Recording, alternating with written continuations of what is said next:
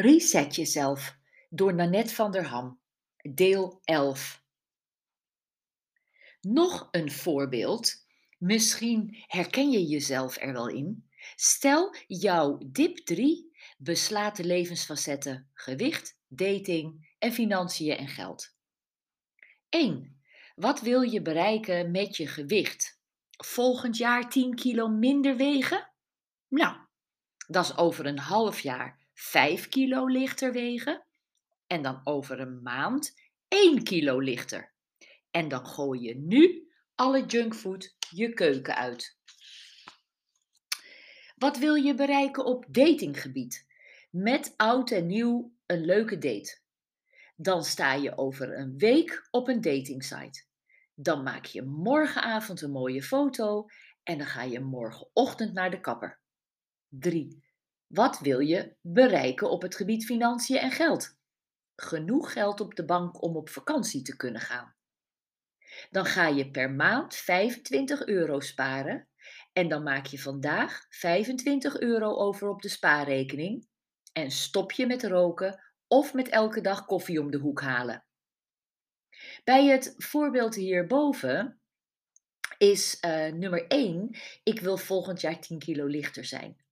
En door middel van de rapportoefening die je eerder hebt gedaan, is naar voren gekomen dat als je tijd, aandacht en geld aan het project 10 kilo afvallen besteedt, dat goed zal slagen.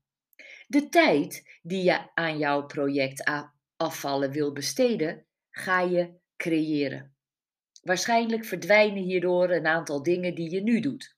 Afspraken in het café, etentjes, koffie met gebak dates.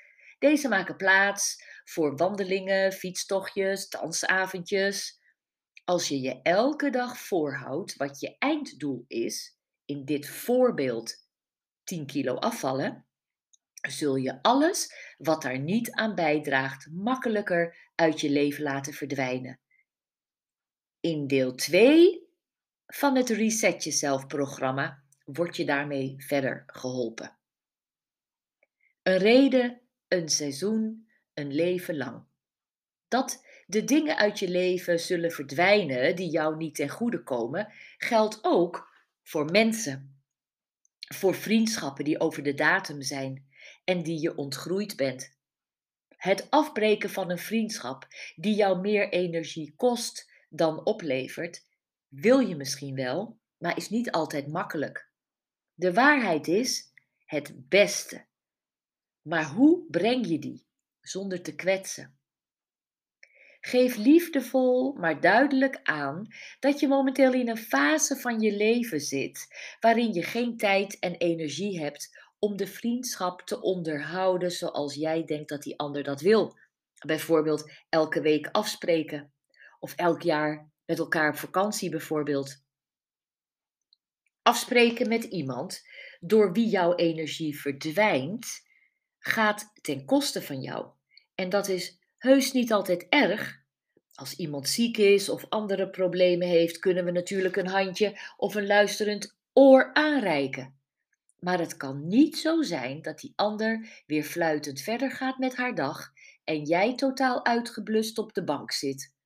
Je had in die tijd ook iets kunnen doen waar jullie allebei blij van worden. Bijvoorbeeld wandelen, fietsen of zwemmen, terwijl je luistert en meeleeft.